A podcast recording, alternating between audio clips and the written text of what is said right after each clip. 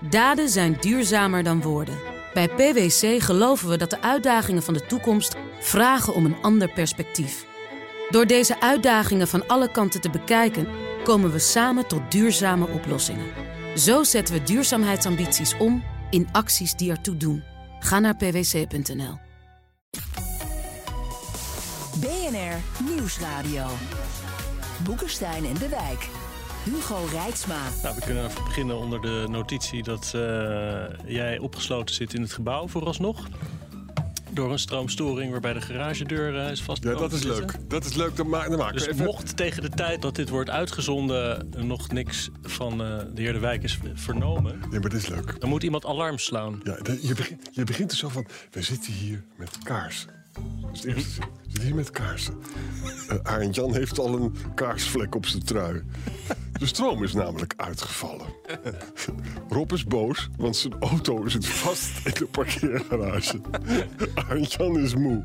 Maar we gaan toch opnemen. Het is toch een leuk begin? Het is gewoon een dank, leuk begin. dank voor deze introductie. Je, je doet het gewoon fantastisch. Ehm, nou, voor een jaar dat begon met een staatsgreep in de Verenigde Staten viel het eigenlijk best mee, toch? 2021. Dus misschien kunnen we eens positief beginnen. Ja, ja. ja, dat is goed. Ja, dat is prima. Nou, ga je gang. Oh, ja, 6 januari zijn we begonnen met een eh, gezellige staatsgreep eh, in eh, Amerika... die tot niks heeft Oh, wacht, ik moet even een klokje zetten. Ga door. En ja, eigenlijk vind ik het nog wel een jaar dat meeviel. Corona is niet compleet uit de klauwen gelopen. Ja, nu met, dat, met die nieuwe virusvariant, dat weten we nog niet. Dat kan nog wel gebeuren, maar dat zal dat misschien in 2022 gebeuren. Maar ja, tot nu toe viel er wel mee. Wat vind jij? De impact van die pandemie op de economie valt dus mee. Wat mij eigenlijk heel erg verbaast. Het blijkt dus dat toch heel veel mensen kennelijk gewoon online dingen kopen. Dat mensen thuis ook geld kunnen verdienen. Die enorme eh, Ja. herstelpakketten. Hè? Dat, Ja. eh, onderschat dat niet wat de effecten daarvan. Zeker. En En het is hoeveel het geld in die economie gepompt. En heb sommige daar. sectoren zijn natuurlijk gewoon verschrikkelijk, de horeca en zo. Maar had allemaal erg gekund, laat ik het zo zeggen. Ik vind die bestorming van het kapitaal vind ik wel echt verschrikkelijk. Ook omdat het namelijk doorgaat. Hè. Er komen steeds meer nieuwe gegevens komen er vrij. En dan blijkt dus dat Trump natuurlijk wel degelijk dat opgestookt heeft. En ook dat er mensen in de White House er ook mee bezig waren. En dat de Republikeinse Partij nog steeds de weg kwijt is. Nog steeds vindt dat de verkiezingen gestolen zijn. En nog steeds bezig is om Republikeinse deelstaten die verkiezingsuitslag naar zich toe te kunnen trekken als het ge- gecontesteerd is. Dat blijft heel ernstig. En is ook heel belangrijk voor ons, omdat daarmee Amerika op termijn onbetrouwbaar voor ons is. Nou, dat zie je feitelijk nu al. Hè. Binnen de Europese Unie is het toch wel een van de drijvende krachten achter het hele idee dat Europa veel autonoom moet worden. Maar zelfs in Nederland, wat toch een hardcore transatlantisch eh, land is, eh, moeten we toch wel constateren dat ook hier het idee begint te ontstaan. Ook zeg maar binnen ministeries merk ik van ja, je weet gewoon nooit wat die hier gaat gebeuren in Amerika. Je weet nooit wie de komende president eh, eh, zal zijn. En dan eh, werkt de leeftijd van Biden niet echt mee. Mensen zijn bang. Biden is natuurlijk echt heel oud. Hè? Kamala Harris is ook een beetje van een voetstuk gevallen. Daar lees je allemaal negatieve dingen over. Dus het is echt zo dat we in een hele nieuw tijdperk zijn gekomen. Waarbij dat Atl- je kunt niet meer een fervent Atlanticist zijn zonder zorgen. Dat kan gewoon Nou, niet. het grappige is dat Biden in zekere zin de klok probeert terug te draaien omdat hij heel erg sterk inzet op wat we multilateralisme noemen. De relatie met Europa, de relatie met gelijkgestemde landen in Azië. Dat doet hij, vind ik, wel heel erg goed hoor. Eh, als je gewoon kijkt wat hij eerder dit jaar heeft gedaan eh, met, eh, met de G7. Eh, daar, was daar zat echt een leider aan tafel. Hij heeft ook landen waarmee hij wat kan in eh, de Indo-Pacific. eh, dus Australië, eh, Japan, India. Die zaten gewoon allemaal aan tafel. Dus dat is, dat is denk ik heel erg goed. Hij probeert zeer nadrukkelijk probeert hij een, een band met die landen op te bouwen. Ja, maar vervolgens, wat je dan ziet, en jij noemde net even uh, hè, dat, dat pakt om eh, ehm, nucleaire onderzeeboten te laten bouwen eh, voor ehm, eh, Australië. Ook, ook in het kader van die dam tegen China.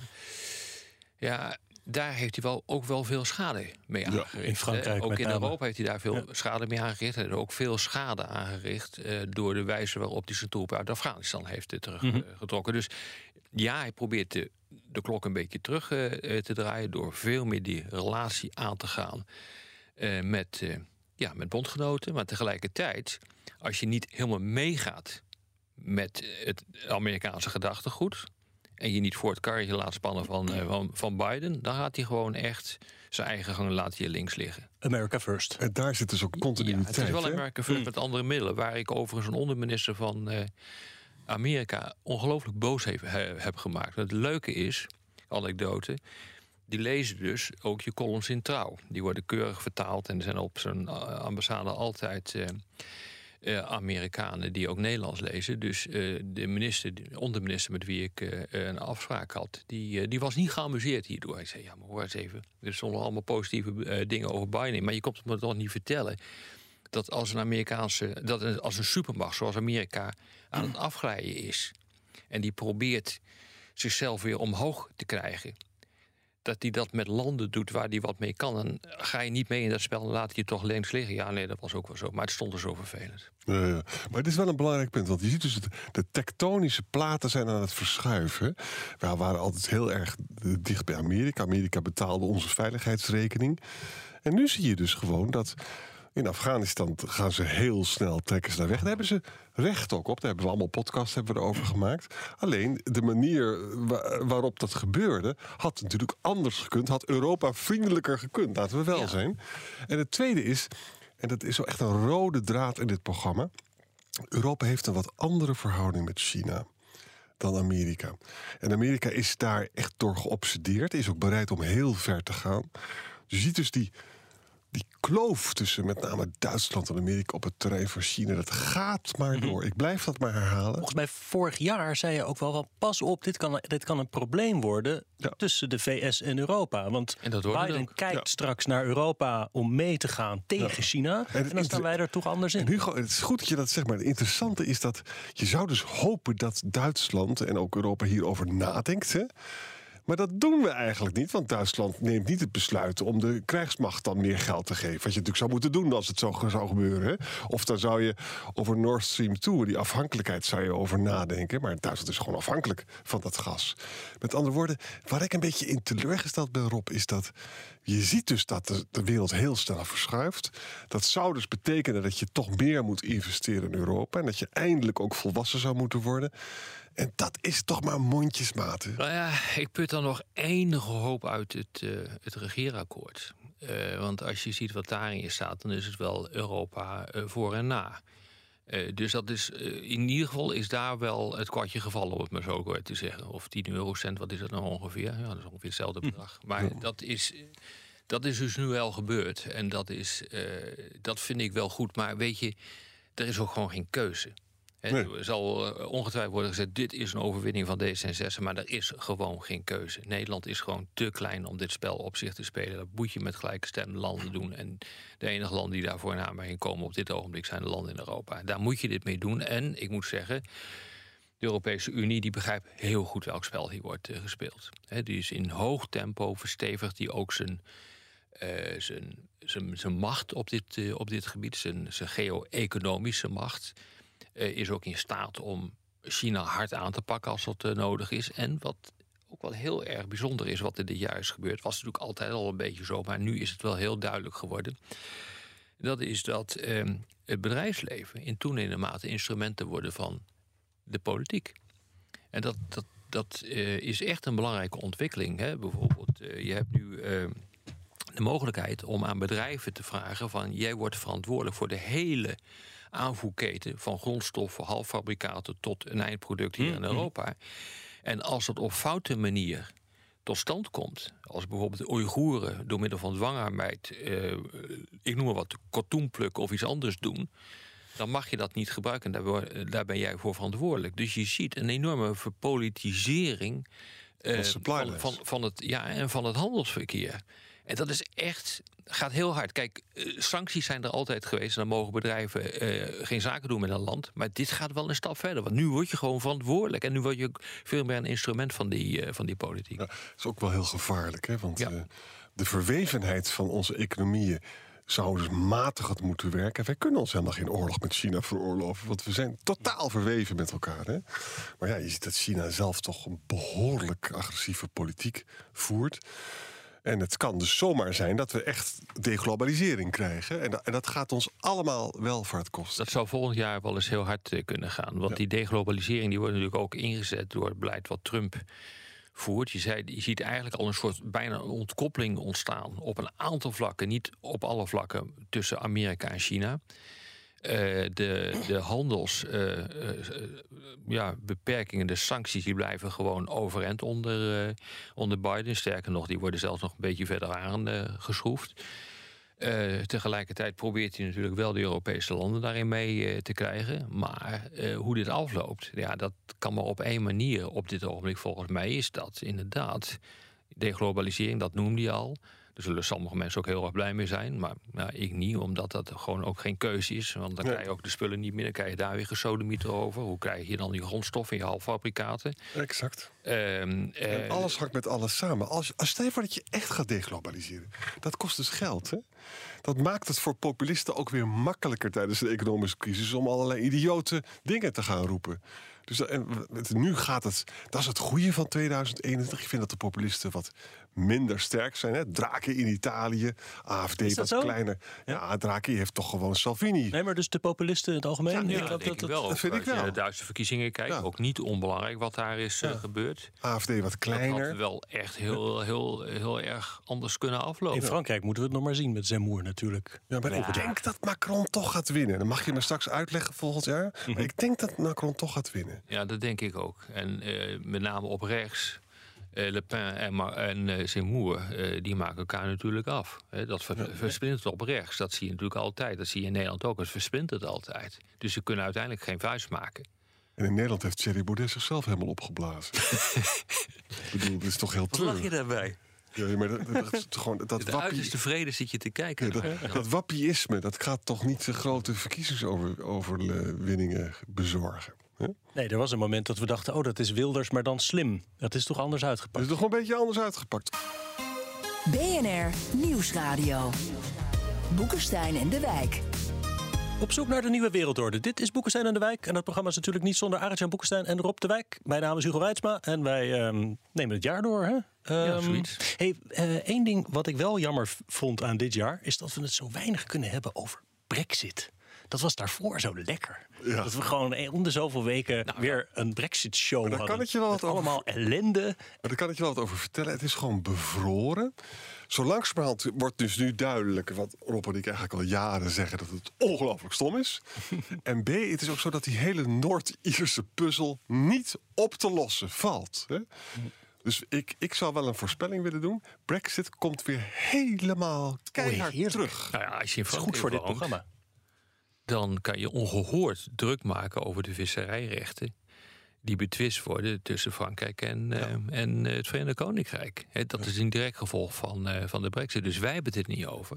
Maar eh, dat komt volgens mij alleen maar omdat er dingen zijn die nog veel belangrijker zijn dan de brexit. Exact. Maar, het, maar het, het hakt er wel degelijk in. Een voorbeeld te noemen. De vissen die de Britten dus altijd aan ons verkochten. Want ook hier wa- zag je dus de totale verwevenheid. Die liggen nu te rotten op de Britse kanen. Zo erg is het dus. En omdat het maar zo'n klein percentage is van het Britse BNP, horen we er allemaal niet zoveel van. Maar het is natuurlijk toch dat de elite zich zo misdraagt. Boris Johnson is een fluim.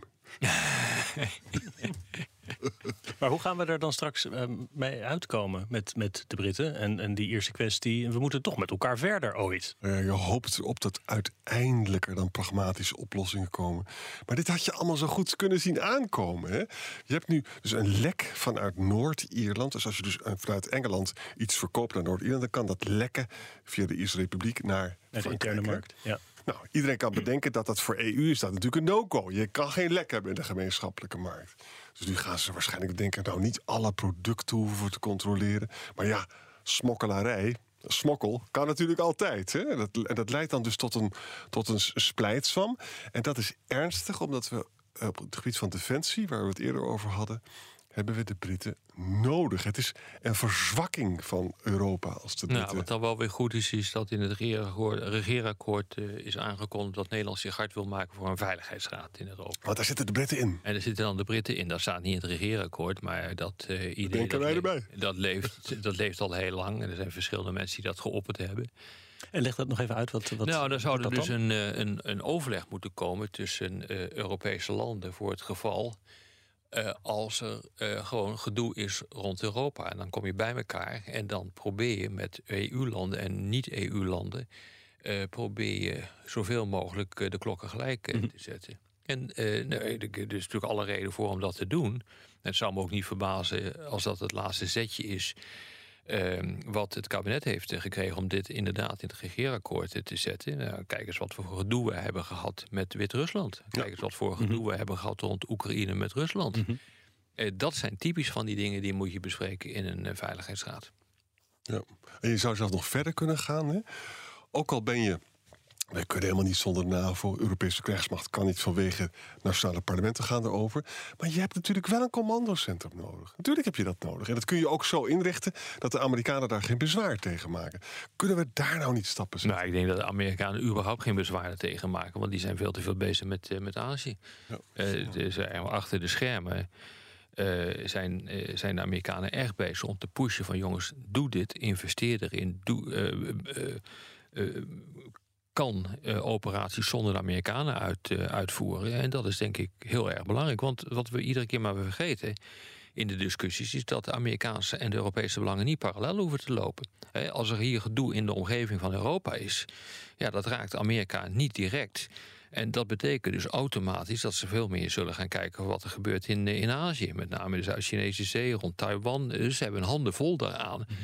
Ja, wat je nu ziet dit jaar is dat Biden omdat hij die bondgenoten ook nodig heeft uh, in, uh, in Azië, wel uh, moeite doet om met, met Poetin in gesprek te, te, gaan en te dreigen van als je doorgaat, dan zwaait er wat. En, en, dat is een interessant onderwerp. Hè? Je ziet dus dat Amerika eigenlijk Biden en Poetin kunnen met elkaar praten. Poetin zegt nu ook, ik wil nog een keer met Biden praten. Die wil gewoon een invloedssfeer, een 19e eeuwse invloedssfeerregeling. Frank, in het Franse denken is dat eigenlijk al geaccepteerd. In het Duitse denken is invloedssfeerregeling heel gevoelig, maar Poetin verstehen is wijdverbreid. Ja. En dan heeft Nederland het MH17-dossier, wat alles verlamt. En ik begrijp dat heel goed, dat het is net afschuwelijk wat er gebeurd is, maar wij gaan dat niet winnen. Wij gaan nee, dat niet gaat, winnen. Dat gaan we verliezen. En er moet gewoon gesproken worden met de Russen. Ja. Uh, en een van de redenen waarom uh, de afgelopen maanden Poetin zo tekeer is gegaan rond Oekraïne de zaak zo onder druk is, uh, heeft gezet, is in stellige overtuiging niet om een interventie uit te, te voeren in, in Oekraïne, maar om ervoor te zorgen dat er een, een afspraak komt. Inderdaad, precies wat je zegt over invloedssfeer in Europa. Dus een afbakening uh, van wie is de baas in welk deel van Europa. Waarbij het de bedoeling is dat een land als Oekraïne of neutraal wordt, uh, of een soort bufferzone wordt. En dat geldt ook voor Moldavië en uh, voor een land als Georgië. He, dus dat is wat de Russen willen. Ik heb dat ook letterlijk, letterlijk gehoord in, in Moskou. toen ik daar eerder dit, dit jaar was. Dat is precies wat ze willen. En er is nu ook nog niet zo lang geleden is er een, een, een paper verschenen op het ministerie, op de website van het ministerie van Buitenlandse Zaken, waarin gewoon al deze eisen keurig onder elkaar zijn gezet. Ja. Dus de, de hele agenda voor de bespreking is er. Daar zullen de Westelingen nooit meer akkoord gaan met wat, uh, met wat de Russen willen. Um, en dat betekent dat er gepraat moet worden. Ja. Het is absoluut nodig, want je kunt niet in een tijd van oplopende spanningen niet met elkaar praten. Dat is het allerstomste wat je kunt doen. Dus exact. wat dat betreft moet de Nederlandse regering echt over de schaduw heen springen. En zeggen van oké, okay, MH17 verschrikkelijk, maar we zullen toch ook moeten gaan praten. Absoluut. En je ziet ook, Biden wil dat natuurlijk best doen, want die wil zijn handen vrij voor China. Duitsland is, is, praat altijd over Rusland en Poetin verstehen. Fra Fransen zijn machtdenkers en spelen heel vaak de Russische kaart. Dus ik zou zeggen, beste buitenlandse zaken, dit is in beweging. Let op uw zaak. Hey, uh, twee jaar geleden. Ik weet niet meer of het de kerst of de oud en nieuw uitzending was. Toen hadden we te gast Ingo Piepers, oud-militair. Oh ja. Die had uh, ge, de, nou ja, hele natuurkundige Kwantummechanica. kwantummechanica chaostheorie losgelaten op de internationale betrekkingen. En daar kwam uit 2020 start de derde wereldoorlog plus of min twee jaar. En dat betekent dat het voor komend jaar toch echt op de rol staat. Ja, maar daar zijn niet echt aanwijzingen voor dat dat gaat gebeuren. Oh, maar- Helaas voor, eh, voor Pieper. Maar kijk wat wij gewoon... Bijna helaas voor dit programma. Ja. Wij horen natuurlijk ongelooflijk Ja, van de het derde wereldoorlog. aan jullie dit- geloofwaardigheid. dit- Nee, dat is... Dat wij lijkt mij... hopen is dat het met het verschijnsel, het fenomeen kernwapens. Hè, China's hebben dat, Mm. Amerika heeft dat. Dat dat het echte, het echte serieuze wapengekletter voorkomt. Ja. Ja. Er zijn geen garanties. Er kunnen allemaal ongelukken gebeuren. Nee, nou, dat, dat is natuurlijk het hele punt van wat, wat er dit jaar is gebeurd rond de Oekraïne met het opbouwen van Russische troepen. Ja, dat kan natuurlijk ook gewoon uit de hand lopen. Ja. En, en dan heb je inderdaad een clash. Eh, waar trouwens de NAVO niet zoveel eh, tegen kan doen. Maar goed, dat, eh, dat, dat, dat terzijde. Dus dat, maar dat kan ook gebeuren als westerse landen zogenaamde Freedom of Navigation operaties uitoefenen, uitvoeren in de Zuid-Chinese Zee. Om te- duidelijk te maken dat die Zuid-Chinese Zee niet Chinees is. Eh, of wanneer er hele duidelijke steun voor eh, Taiwan komt. Eh, dan, dat, dan kan het inderdaad uit de klauwen lopen. Maar kijk, dan denk ik dat Biden niet de man is die dat compleet uit de klauwen laat lopen. En dat geldt ook voor Xi Jinping. Die weten zo langzamerhand wel wat ze, eh, wat ze doen op dat gebied. Oké, dus onder de kop voorspellingen zegt uh, Arend-Jan Brexit keer terug. Uh, Rob zegt de derde wereldoorlog misschien nog niet. Maar je noemt dus wel ook Biden en diens positie... die natuurlijk nog steeds kwetsbaar is in de Verenigde die zeer Staten. Er zijn tussentijdse verkiezingen Ja. voor het congres. Ja. Eind volgend jaar die Ja, de is- Republikeinen weer terug in het spel kunnen Dan brengen. zou die dus vleugellam eh, kunnen eh, worden. En dan hebben we dus een, eh, een megaprobleem met z'n allen. Robert Keken, Washington Post. Het is echt heel eng. Dat de democratie daar daadwerkelijk in gevaar is. En dat heeft dramatische consequenties. Want Amerika was een beken van democracy. Hè? Nou, het hangt er een beetje van af wat, wat COVID volgend jaar gaat doen. Ik denk dat dat wel een belangrijk, eh, belangrijk punt is. Eh, We zien nou eh, de opkomst van nieuwe varianten. En dan zullen er ongetwijfeld meer varianten komen. Eh, tot nu toe zijn we er objectief gezien redelijk doorheen eh, eh, gezwalkt dit jaar. Vorig jaar was veel ernstiger met betrekking tot COVID. Toen hebben de Russen en de Chinezen ook pro- geprobeerd om daar gebruik van te maken. Dat is gewoon allemaal niet gelukt. Dus die- door die COVID-crisis is de Europese Unie sterker uit eh, de strijd eh, gekomen. Maar goed, je weet nooit. Ik vind dat een grote, een grote onzekere factor voor Ja, eh, vind ik ook. 2022. Ik- Ik denk dus inderdaad dat, eh, dat eh, corona dat dat een groot probleem volgend jaar wordt. Eh, maar ook eh, zullen we gewoon door blijven gaan met dat gedoe met Rusland en met China. Eh, de Russen zullen echt gewoon de boel op scherp blijven zetten om ervoor te zorgen dat ze een conferentie afdwingen, gesprekken afdwingen over de toekomst van Europa. Ik denk dat je daar gewoon aan mee moet doen. Ook al heb je een heel andere uitkomst voor ogen, maar praat in ieder geval. Ja, dus dit, zal, eh, dit zijn wel twee belangrijke punten eh, voor mij. En nog even om een positief te eindigen. Oh, Ik, eh, weet je, Poetin is ongelooflijk belang voor het succes van democratieën. Hè? Dat, daar hebben we het heel vaak over gehad. De hele gedonde met Navalny heeft er natuurlijk toch wel voor het eerst in Rusland dat zo'n man eh, belangrijk is geworden. Eh, de manier waarop Oekraïne nu gaat. De manier dat Poetin dus handen aftrekt van eh, COVID. En dat aan de burgemeester van, van Moskou overhoudt. Maar dat- die, die, die, het vervolgens gewoon verknalt. Hè? Ik weet niet of Poetin nou wel zo stevig in het zadel zit. Maar dan komt er iets anders, Engs. Als je een, re- een regimewisseling in autocratie is altijd levensgevaarlijk. Oh, ik dacht even dat we met een klein lichtpuntje in deze donkere dagen van Arend-Jan Boekenstein Want ze zouden hebben geen Het mag weer niet zo zijn. Dus ze hebben geen procedure om het netjes te doen. Dus dat kan tot allemaal. eh, en bovendien kunnen we nog iemand terugkrijgen die nog erger is dan Poetin. En dan hoort u ons daar weer over. In een nieuw jaar Boekenstein en de Wijk. Namens Arend-Jan Boekenstein en Rob de Wijk zeg ik dank voor het luisteren. Tot volgende week. Tot volgende week.